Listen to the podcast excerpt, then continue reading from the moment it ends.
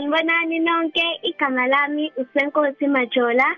Ngizobe ngikhulumela usisi wami ngoba ngidef um ngihlala eMlazi. Angizalanga ngidef kodwa ngatshela uma ukuthi ngaba def ngineminyaka emithathu um ngokuba kwami def kwaba nento eyenzeka ngikadokotela yo-check-a in izindlebe.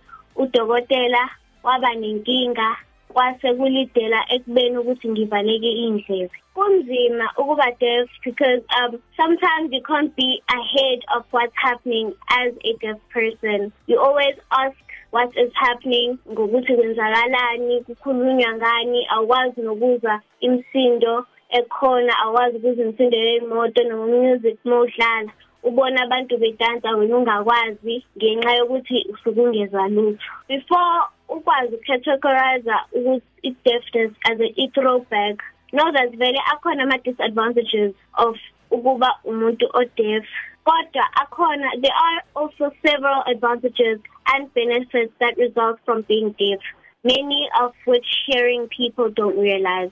As the bible says in Romans chapter 8 verse 28, all things work together for good those who love the Lord and are called by his name. And so that meaning by many great opportunities arrive in obstacles. So I believe my hearing is not much different. As a deaf person, I've been motivated to work hard so ngokuba kwami deaf kwangiphusha kakhulu ukuthi kumele shuthi ngivele ngiyiphushe efundeni zami ngoba kusuke kunzima ukuthi hayi wonke umuntu uyalithola ithuba yokuthi aye esikoleni ngoba edef ngoba azikho iy'kole ey'ningi zabantu abadef futhi ziyabiza kakhulu. And for mina ukuba ukuthi ngikwazi ukuya esikoleni into engi-proud ngayo kakhulu because not many deaf people can go to school because of the fees that need to be paid.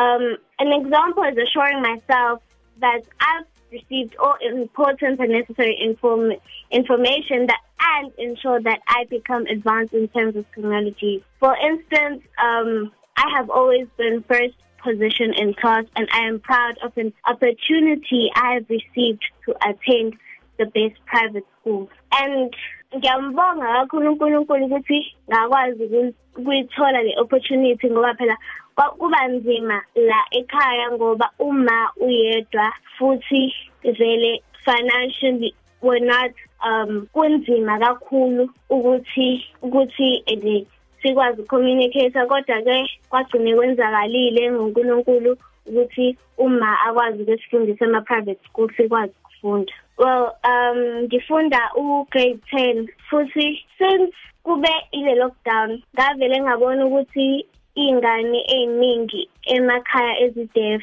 kuba nzima for them ukuthi bangakwazi ukucommunicate nemindeni yabo bengazi ukuthi kwenzakalani behleze beyibuza ukuthi kusexoxa ngani emndenini wabo. So i started teaching classes to learn sign language by whatsapp during this lockdown. And i think many families have been helped by this because I wonke umuntu uyakwazi ukufunda asayine. Because ma kuukuthi bayahamba bayofunda kwezinye indawo bafike bafice khona kubiza bengakwazi ukufunda bengenamali. And kakhulukazi ma ukuthi umuntu odeaf ma ungakwazi ukukhuluma naye they feel like an outsider and be neglect neglected.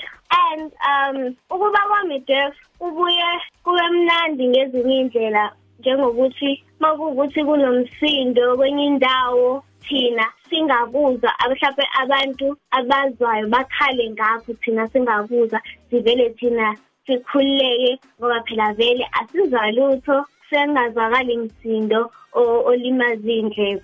Ese-ke um ngathanda vela ukubonga uma ngokuthi wakwazi ungithengela i-cochlear implant ngoba ukuthenga izinto ze-cochlear implant kuyabiza kakhulu nama-battery nakho konke lokho okudingakalayo. Yebo ngiyabonga kakhulu. Celani sifollowishe ku-instagram sesi underscore dot majola. Kufacebook usenkosi majola. Naku-youtube usenkosi majola. Ngiyabonga.